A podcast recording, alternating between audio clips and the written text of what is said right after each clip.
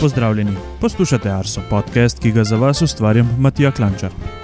V današnji 86. epizodi se bomo v srednji temi dotaknili izrednega dogodka preteklega vikenda, od ogromne količine padavin pa do poplav.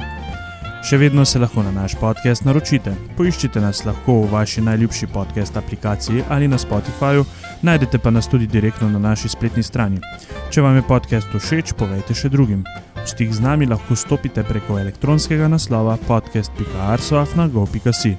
Seveda smo prisotni tudi na družbenih omrežjih, kjer z veseljem delimo vaše slike, storije ali se z vami pogovarjamo o vremenu. Na Twitterju smo imeli vsi, na Facebooku in Instagramu pa nas najdete pod imenom Arso Vreme. Osrednja tema. V današnji osrednji temi se bomo dotaknili izrednega dogodka obilnih padavin, neuri in pa poplav um, 15. do 17. septembra. Uh, zato v svoji družbi danes v osrednji temi pozdravljam Mojco Robič, hidrologinjo. Blaža Štera, prognostika in pa Živa. klimatologa Gregorja Vrtačnika. Zdravo. Torej, uh, glede na to, da smo še pred 14 dnevi z Gregorjem govorili o poletju, o visokih temperaturah, um, se je pa kar na hitro situacija obrnila. Uh, Na kartah so se začele risati ogromne količine padavin, posledično smo pričakovali tudi uh, porast rek, vodotokov in pa seveda te septembrske poplave so prišle eh, kar hitro na plan. Bi mo morda začel z Blažem, bi lahko predstavil, kakšna je bila sinoptična situacija, oziroma kako sploh pride do situacije, kjer pade toliko, ta, takšna količina Nekako padavin. kar tipična um, jesenska situacija, oziroma zgodnja jesenska, ponavadi, prav, predvsem nalive, beležimo prav septembra in tudi tokrat je bilo tako. Uh, tako da pač uh, to se začne, to dogajanje um, se obi- običajno začne s prodorom hladnega višinskega zraka proti jugu, s tem mi pridemo, če je to, ta prodor zahodne od naših krajev, pridemo v višinski jugozahodnik. In tudi tokrat ja, je ta višinski jugozahodnik prinesel ogromne količine vlage. Vemo, da so Sredozemsko morje septembra še zelo toplo, tudi Atlantik in ravno ta vir vlage in potem um, tudi uh, vpliv ciklona, stacionarne fronte, ki je potem bila naslednji dan uh, v petek nad nami. Ter tudi nestabilnega ozračja so povzročila to kombinacijo obilnih padavin. Obenem um, zagotovo zelo pomembno vlogo igra tudi orografija, um, se pravi, prav tako, kako je, um, kakšna je obala, kako strma je obala, in potem kakšne uh, hribi so za, za te, temi prvimi gorskimi pregradami. Tako da, um, ja, nekako poklopilo se je, no, in v bistvu smo izmerili še precej več dežja, kot so uh, nakazovali tudi meteorološki modeli kar pa se običajno res zgodi, kajti vemo, da so takšne situacije, ko modeli uh, podcenjujejo padavine. Uh, omenil si, drugač, da to vse skupaj se je začelo dogajati v četrtek. Ja, ja, začelo se je dogajati v četrtek, uh, ozračje je bilo v četrtek um, zelo labilno, tako da so nastajale tudi močnejše nevihte, beležili smo tudi točo. Uh, ampak potem je šlo pa nekako um, bolj v nalive, se pravi, uh, toča, močan veter niso bili tako v spredju, ampak so se pojavljali ti pasovi močnih padavin. Z- Nevihte so se pač pojavljale ob tem, seveda, in um, pač uh, zlivalo je res uh, v takih pasovih. Uh, količine so bile od kraja do kraja zelo različne, ampak ja, uh, verjetno bo Gregor povedal več o teh maksimumih. Um, um, ja, pač. Uh, Potem po fronti, imeli smo fronto v bistvu že v petek, nas je nekako dosegla, in potem v petek eh, čez dan je kar visela nekako na tej alpski dinarski pregradi. Uh, potem pa šele um, ob dotoku hladnejšega zraka v soboto, pa se je tudi meja sneženja spustila, padavine so postopno počasi oslabele in prešli smo bolj, po, bolj v enakomeren tip padavin, in tudi razmere so se potem počasi umirjale. Preden gremo na same količine, ki smo jih izmerili v tem dogodku, uh, bi se pa vseeno navezal na hidrološko situacijo. Kako hitro lahko pride zaradi takšne količine padavin do nekih problemov, če se lahko tako temu izrazim? Ja, precej hitro. Um, v sredo, če začnemo s sredo, v sredo je po Sloveniji prevladovala mala vodnatost. Posamezni deli države so, bile, so bili še izrazito sušni, kot že prej pač mesece. In ko so se začele v četrtek pojavljati intenzivne in dolgotrajne padavine, so začeli najprej naraščati manjše reke in potoki v nekako v pasu od srednje od srednje Soče čez Idrico, Poljansko, Soro, Gradaščico um, in do pritokov Ljubljanice na Ljubljanskem barju. In um, na jugu pa izolirano je začela naraščati kolpa. In um, popoldan so, so, je večina te, rek na teh območjih že dosegla velike pretoke. V noči na petek so se začela prva razlivanja v vseh teh, na vseh teh območjih, In zjutraj v uh, petek so, sta že poplavljali Poljanska sora in Gradaščica. De, Poljanska sora je v, um, v zgornjem toku dosegla največji pretok 173 kubičnih metrov na sekundo, kar je drugi največji izmerjeni pretok uh, z ocenjeno povratno dobo 20 do 50 let. Ta neenakomernost padavin se kaže tudi v tem, da je uh, Poljanska sora v um, spodnjem toku, da je bila njena povratna doba samo 2 do 5 let.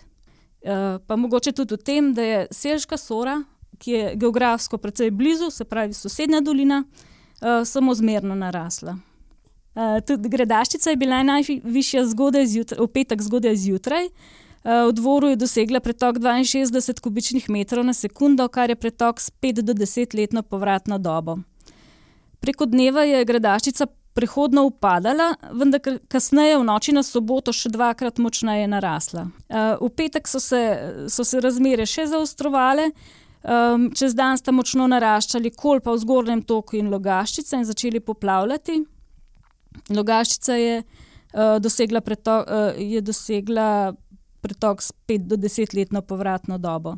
Uh, nadaljevalo se je razlivanje Idrice in Ljubljanice s pritoki, Zvečer je vodnatost kolpe v zgornjem toku se je ustalila, v srednjem in spodnjem toku pa je še naraščala in obilno poplavljala.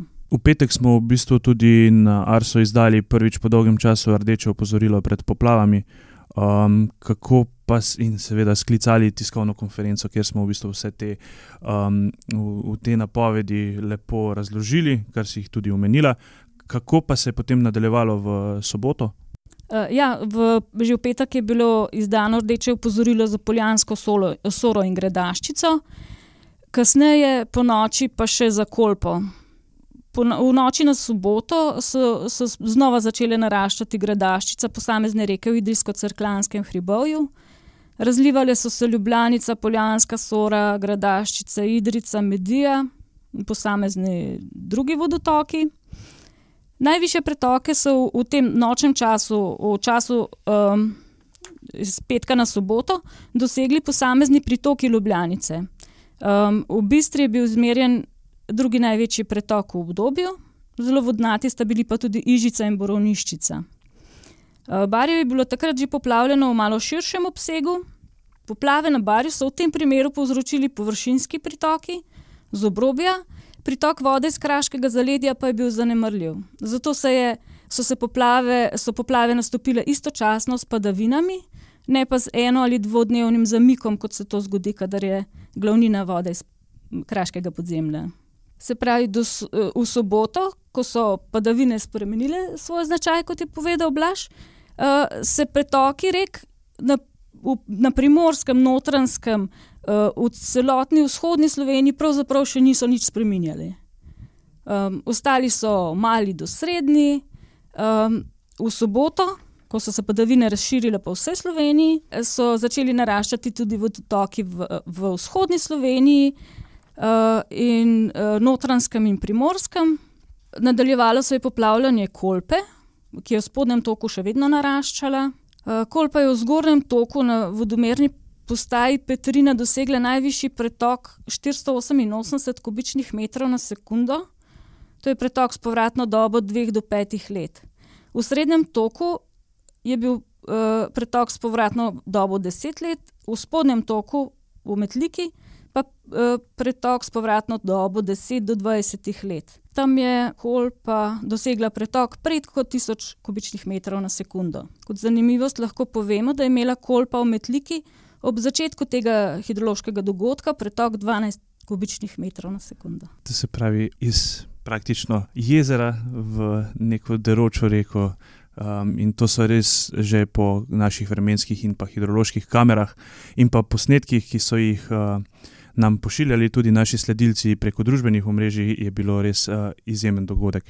Morda, Blaž, če še v bistvu sinoptično gledano, kaj se je potem zgodilo, drugače, kakšen dogodek je potem prevladoval, da so se razmere ustalile. Ja, kot je že običajno, ob koncu padavin začne, proti koncu padavin začne dotekati hladnejši zrak.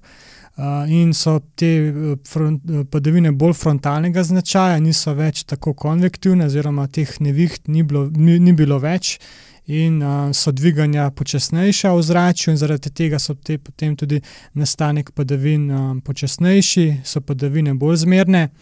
Uh, in tudi manj vlage je bilo potem v soboto, se je že vzračje kar močno ohladilo, uh, tako da je v hribih snežilo, pa tudi po nižinah um, so bile temperature kar precej podpovprečne za ta čas.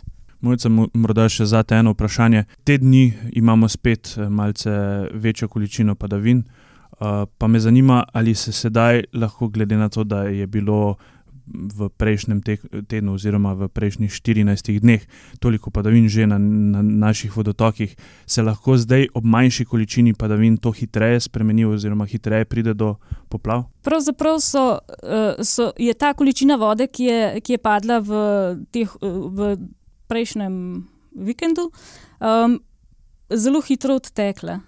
Tako da je bilo uh, sredi naslednjega um, tedna že po večini mala vodnatost po Sloveniji. Um, seveda, pa če se, če se te dogodki ponavljajo, se pač uh, stanje slabša. Um, seveda, nismo danes še nič povedali okrog uh, padavin in pa višine padavin, ki smo jih izmerili na naših postajah. Uh, številke, ki smo jih pridobivali iz postaj, so iz uro na uro res naraščale, ogromne razlike so bile izjemne na manjših območjih. Bo pa Gregor kaj več povedal o tem, ali smo merili kakšne rekorde in kakšni so ti rekordi bili. Ja, na kar nekaj meteoroloških postajah smo izmerili rekordno količino padavin. Uh, večini, v večini primerov je šlo za uh, serijo nalivov, oziroma za več obdobij močnejših padavin, ki so se začeli v četrtek do povdne večinoma ali pa četrtek sredi dneva in so potem trajali nekako do popoldneva 15. septembra, se pravi v približno 50 urah je bila zgoščena glavnina oziroma skoraj vse padavine na uh, večini teh najbolj uh, ekstremnih merilnih mest. Tako smo v silnici namerili v tem času 423 mm padavin. No, kot zanimivost, ta mesec je tam padlo že več kot 600 mm dežja in je to skoraj zanesljivo najbolj namočen mesec od vseh od uh, sredine 20. stoletja. Res je, da nam kar precej uh, podatkov za konec 20. stoletja in začetek 21. manjka, vendar pa glede na okoliške postaje lahko sklepamo, da gre za v osilnici za res izjemno namočen uh, september. Nekoliko manjša količina padavin smo izmerili na območju od Idrijskega hribovja pa do Pohograjskih dolomitov. Eh, v Idriji je padlo 370 mm eh, dežja v približno 50 urah in na vrhniki 352 mm, kar je približno dvakratnik običajne septembrske količine padavin. In uh, že samo s tem poslabšanjem sta se ta dva kraja uvrstila, mislim, septembrska količina padavin v teh dveh krajih Eh, uvrstile med najbolj namočene uh, septembre. Uh, presenetljivo veliko padavin je bilo tudi na Ljubljanskem območju in pa na območju Bele krajine. Namreč uh, padavine, ki so se prožile večinoma na Alpsko-Dinarski gorski pregradi, so potem z višinskim jugozahodnim do zahodnim vetrom potovale v notranjost Slovenije, oziroma v primeru uh, Kolpe, proti, približno proti Karlovcu. Tako da smo v Ljubljani izmerili 256 mm padavin in pa v Dubličah pri Črnomlu 310 mm. To gre prav tako za izjemne količine.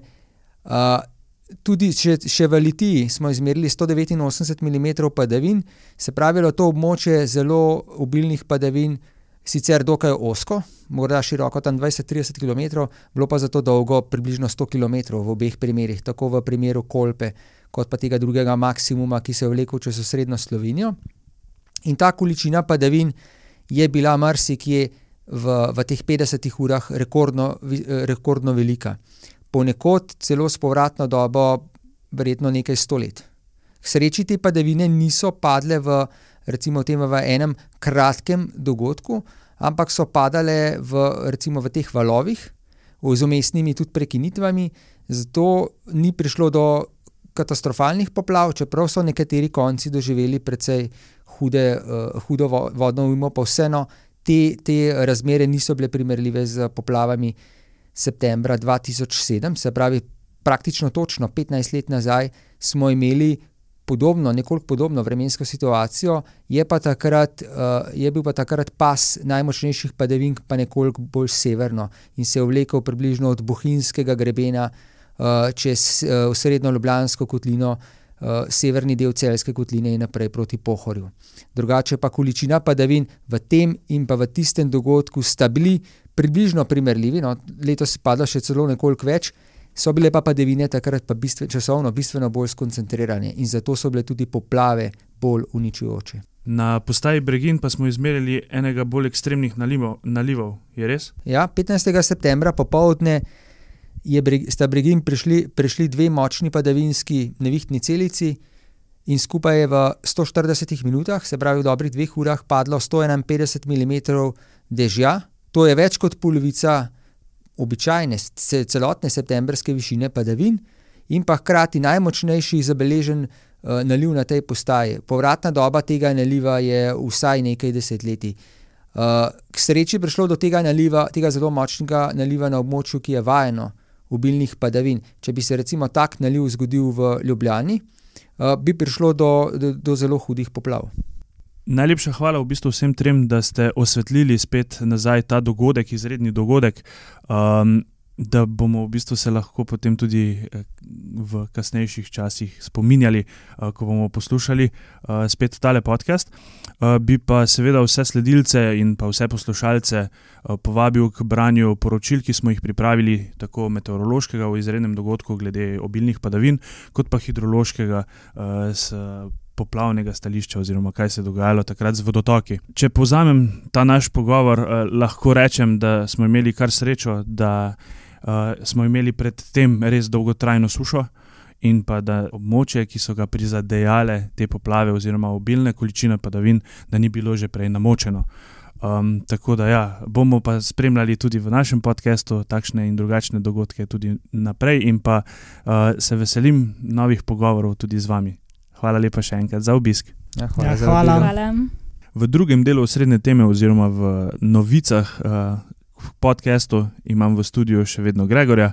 Uh, glede na to, Gregor, da smo pred 14 dnevi omenjali neaktivnost uh, orkanov na Atlantskem oceanu, uh, se je sedaj stanje kar spremenilo. Uh, kaj se dogaja na Atlantiku? Ja, na veliko žalost prebivalcev Karibov, pa tudi vzhodne obale ZDA in pa jugovzhodne Kanade, se je aktivnost uh, orkanov oziroma tropskih ciklonov v sredini sep- septembra močno povečala. Tako smo imeli orkan Fiona, oziroma tropski ciklon Fiona, je nastal 14. septembra nad uh, tro, tropskim Atlantikom in je potem potoval proti zahodu, proti malim Antilom, uh, na to dosegel Portoriko in Dominikansko republiko.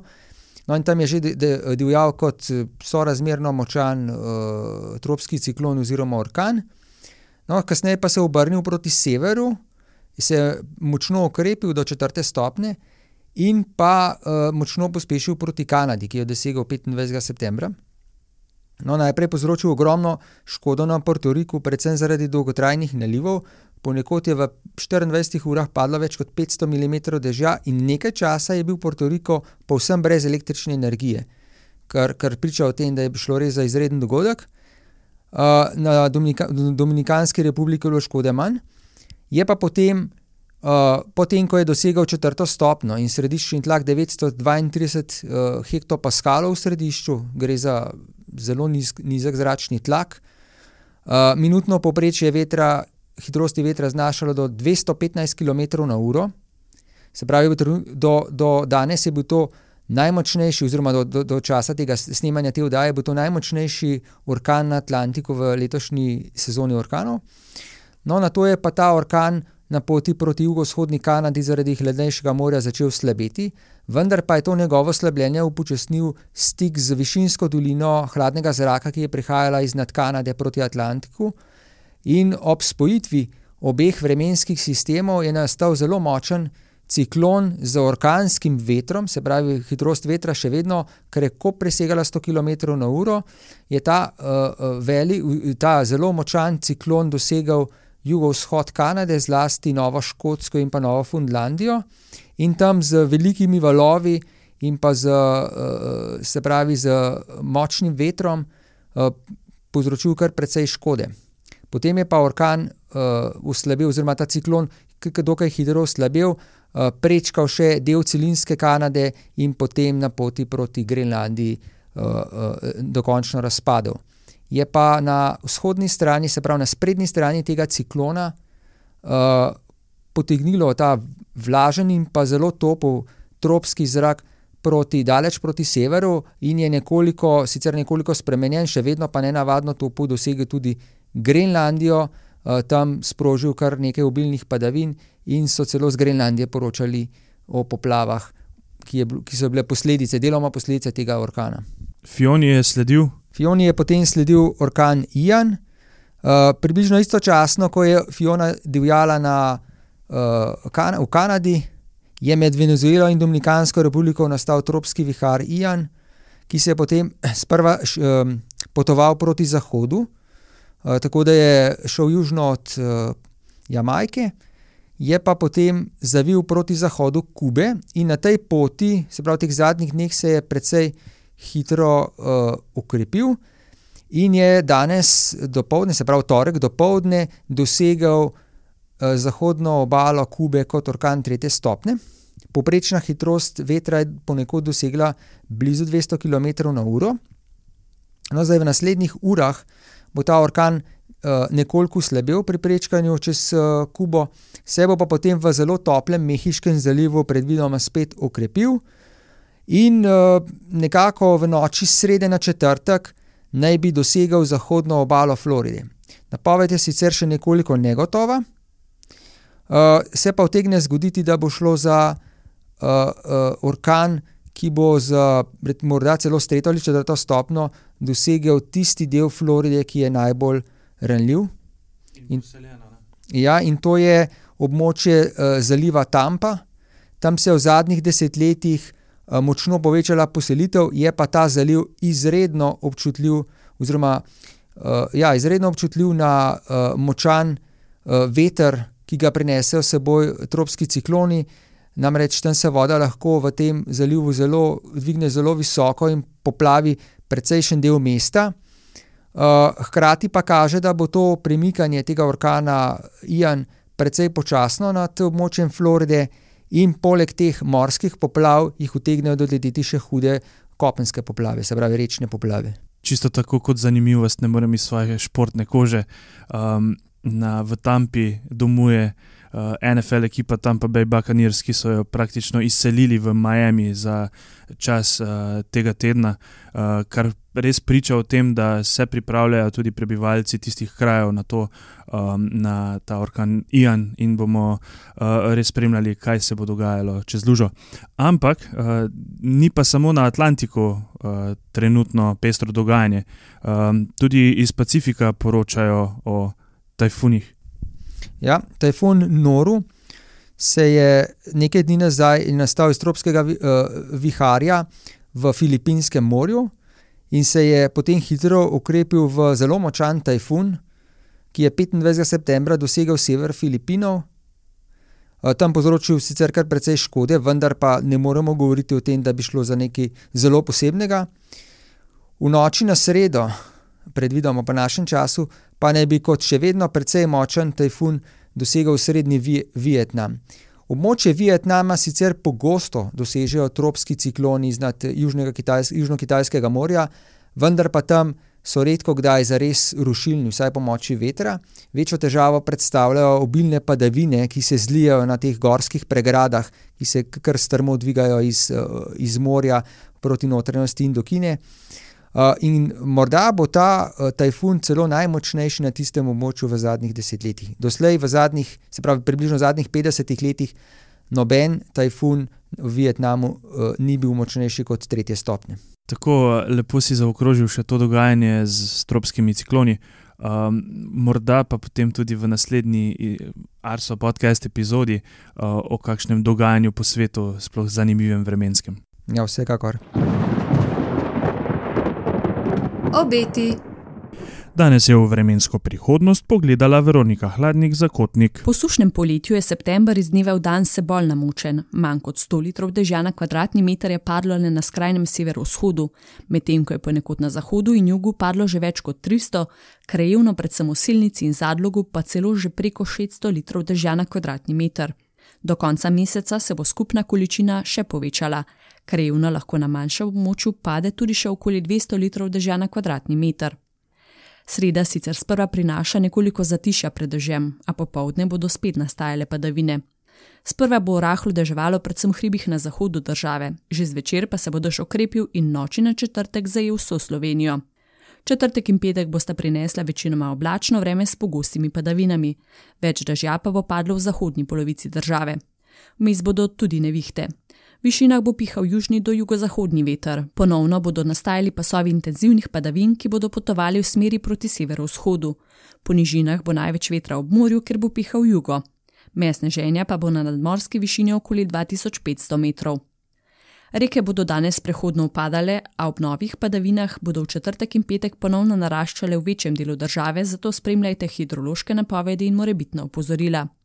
Od sobote pa se verjetno za padavine zmanjša. V začetku prihodnega tedna se bo nad večjim delom Evrope krepilo območje visokega zračnega tlaka.